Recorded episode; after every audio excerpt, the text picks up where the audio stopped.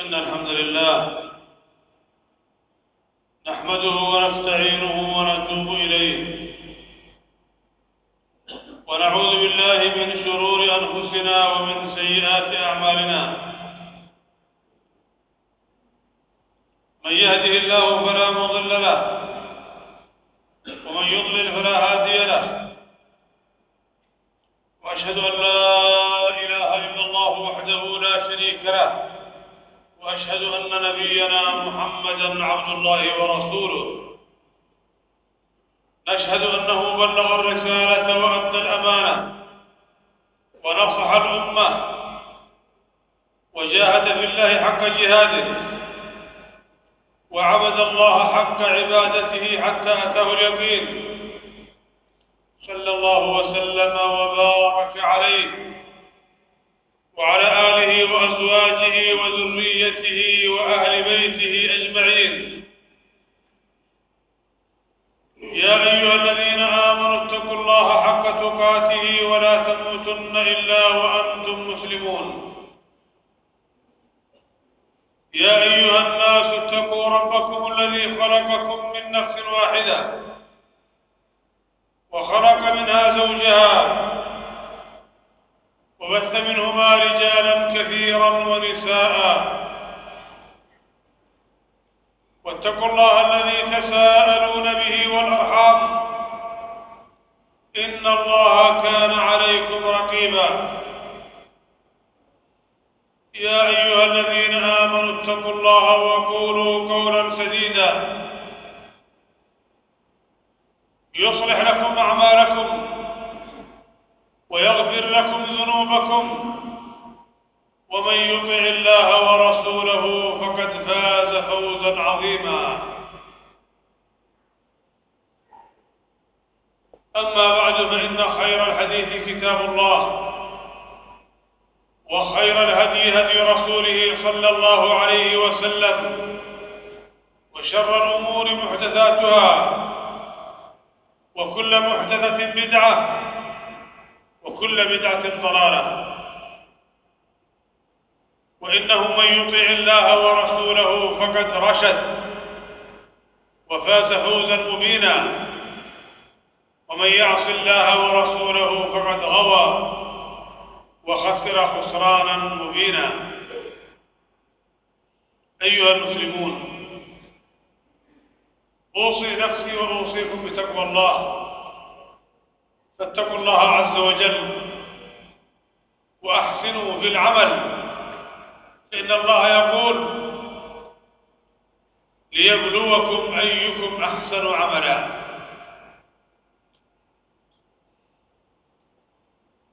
عباد الله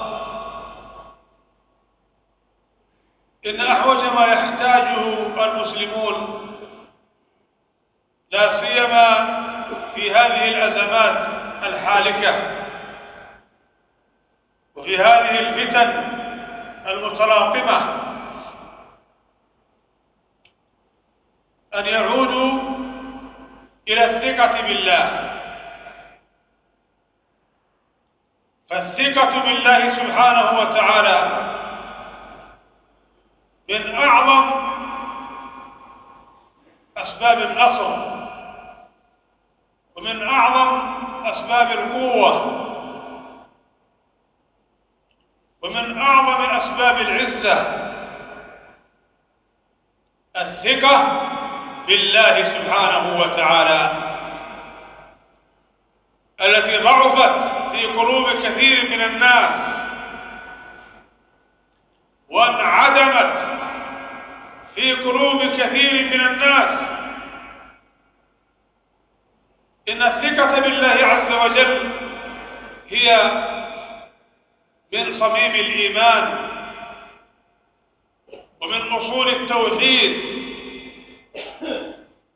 ومن دلالة حسن وصحة وجمال العقيدة الصافية أن تثق الأمة الإسلامية بالله عز وجل القوي المتين العظيم. سبحانه. فما أحوجنا عباد الله إلى أن نجاهد أنفسنا لتزكو بالثقة بالله سبحانه. إلى أن نمتحن قلوبنا لتتقوى وتزدهر بالثقة بالله عز وجل. فالله سبحانه وتعالى يقول لنبيه محمد صلى الله عليه وسلم وللصحابة الكرام رضي الله عنهم وأرضاهم ولقد نصركم الله ببدر وأنتم أذلة فاتقوا الله. خرجوا في بدر بدون استعداد وبدون استنفار للجميع. ولم يكن لديهم العدد الكثير من الفوارس. بينما خرج كفار قريش بقصدهم وقضيهم وعددهم وعدتهم. فالله سبحانه وتعالى ناصر عباده المؤمنين. يوم أن اختبرهم وامتحنهم. وكذلك سألهم النبي صلى الله عليه وسلم ما مدى ثقتهم بالله وما مدى حرصهم على نصر الإسلام وما مدى عزيمتهم فوجد منهم الإقدام والعزيمة. والاعتماد على الله سبحانه وتعالى أنه ناصرهم ومعينهم. ورفع النبي صلى الله عليه وسلم يديه إلى السماء يستنصر بالله وحده لا شريك له. ويقول في دعائه اللهم يا منزل الكتاب ويا مجري السحاب ويا هازم الأحزاب اهزمهم وانصرنا عليهم. أعلن ثقته بالله سبحانه وتعالى وهو واثق بربه عز وجل. وعلم أصحابه رضي الله عنهم أن يتربوا على هذا المبدأ العظيم. فنصرهم الله سبحانه وتعالى وأعانهم. كم من فئة قليلة غلبت فئة كثيرة بإذن الله. والله مع الصابرين. وتخذل الأمة الإسلامية يوم أن تضعف أنفسهم في هذا الجانب. يوم أن ينسوا خالقهم سبحانه أو يتناسوه. ويوم أن تغلب على قلوبهم وعلى أنفسهم وسائل خالية من الثقة بالله سبحانه فإنهم يصابون بالهزيمة ويتأخر عنهم النصر. وما النصر إلا من عند الله. إن ينصركم الله فلا غالب لكم. وإن يخذلكم فمن ذا الذي ينصركم من بعده. إن عزة الأمة الإسلامية لا تكون إلا بالثقة بالله سبحانه وتعالى. في جميع القضايا الخاصة والعامة. إنما هي أسباب جعلها الله عز وجل وأذن سبحانه في اتخاذها وشرع في الشريعة الإسلامية الأخذ بالأسباب ولكن ليس على سبيل وعلى حساب نسيان الثقة بالله سبحانه وتعالى. الشريعة الإسلامية تدعو إلى اتخاذ الأسباب واتخاذ التدابير المباحة والسعي في حلحلة الأمور على صور عقلانية وواقعية ولكنها تكون معتمدة الأمة الإسلامية في كل ذلك على الثقة بالله عز وجل على الثقة بالله وحده لا شريك له الذي بيده النصر بيده الرزق بيده القوة بيده الملكوت بيده كل شيء. لا شريك له ولا رب سواه. سبحانه وتعالى عما يشركون. إن الله يمسك السماوات والأرض أن تزولا ولئن زالتا إن أمسكهما من أحد من بعده إنه كان حليما غفورا. إنه وصف نفسه في القرآن بصفات عظيمة ينبغي أن نتأمل فيها حتى ندرك عظمة ربنا سبحانه وتعالى.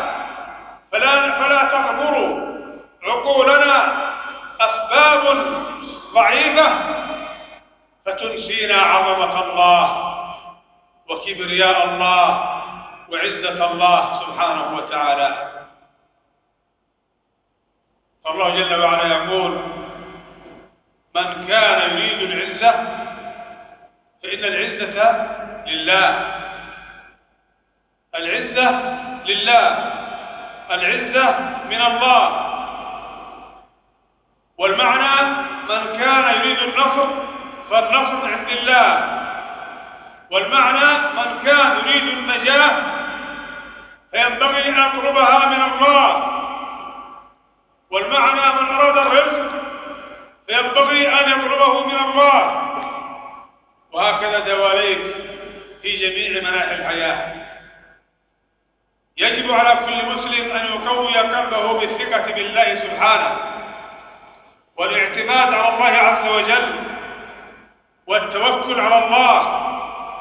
فالله يقول وعلى الله فتوكلوا إن كنتم مؤمنين.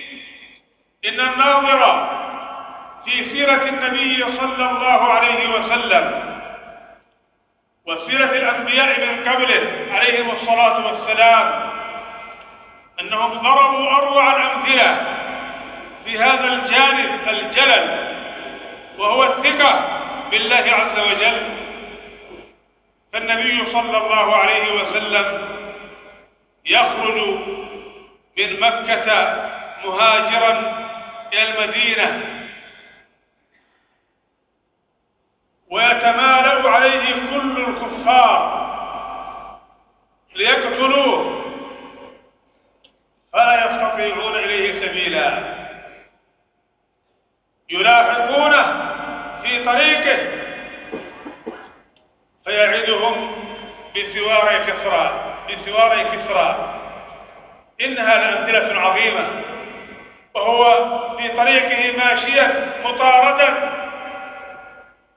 من جميع الكفرة وهو يعدهم بسوار كسرى, كسرى والنصر المحقق من عند الله عز وجل. وهكذا علم الأمة الإسلامية أن يثقوا بربهم سبحانه ويتوكلوا عليه ويتمثل توكل المسلمين على ربهم بحسن طاعتهم له. وتتمثل ثقتهم بربهم بأداء ما أوجب عليهم والانتهاء عما حرم عليهم. فلا تلتمس طرق النصر من المعاصي والغفلات. ولا تلتمس وسائل العزة من الغفلة وترك الواجبات. إننا بحاجة عباد الله أن نقوي إيماننا وأن نقوي ثقتنا بالله سبحانه. الله عز وجل غالب على أمره ولكن أكثر الناس لا يعلمون. اللهم اهدنا واهد بنا واجعلنا غير المهتدين وأصلحنا وأصلح بنا واجعلنا صالحين ومصلحين. إنك أنت السميع العليم. أقول قولي هذا وأستغفر الله لي ولكم. فاستغفروه وتوبوا إليه. إنه هو الغفور الرحيم.